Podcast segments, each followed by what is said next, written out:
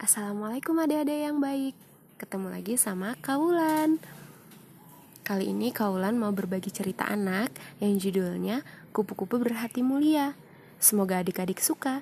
Selamat mendengarkan.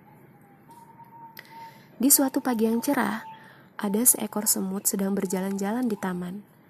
Dengan perasaan yang gembira Semut tersebut berkeliling taman yang indah itu dan menyapa hewan-hewan lain yang juga berada di sana. Hingga matanya tertuju pada sebuah kepompong yang sedang menggantung di ranting. Semut mendekati kepompong itu dan berkata, "Kepompong, buruk sekali nasibmu. Sudah jelek dan hanya bisa menggantung di sana, tak bisa melakukan apa-apa.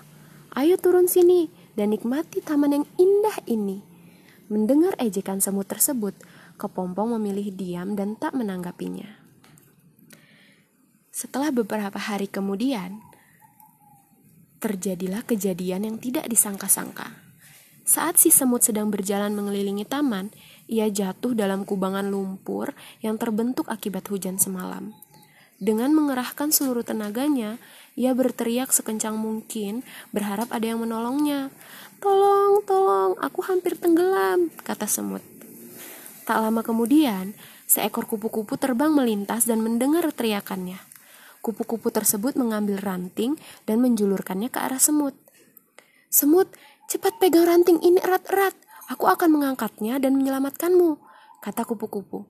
Dengan sekuat tenaga, akhirnya kupu-kupu berhasil mengangkat ranting itu dan berhasil menyelamatkan semut.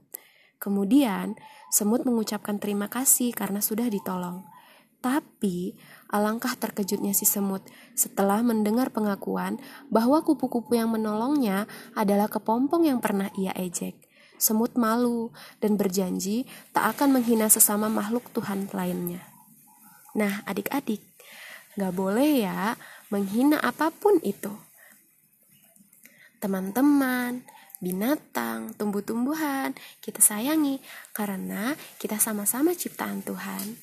Semangat adik-adik, sampai ketemu di cerita anak selanjutnya. Assalamualaikum.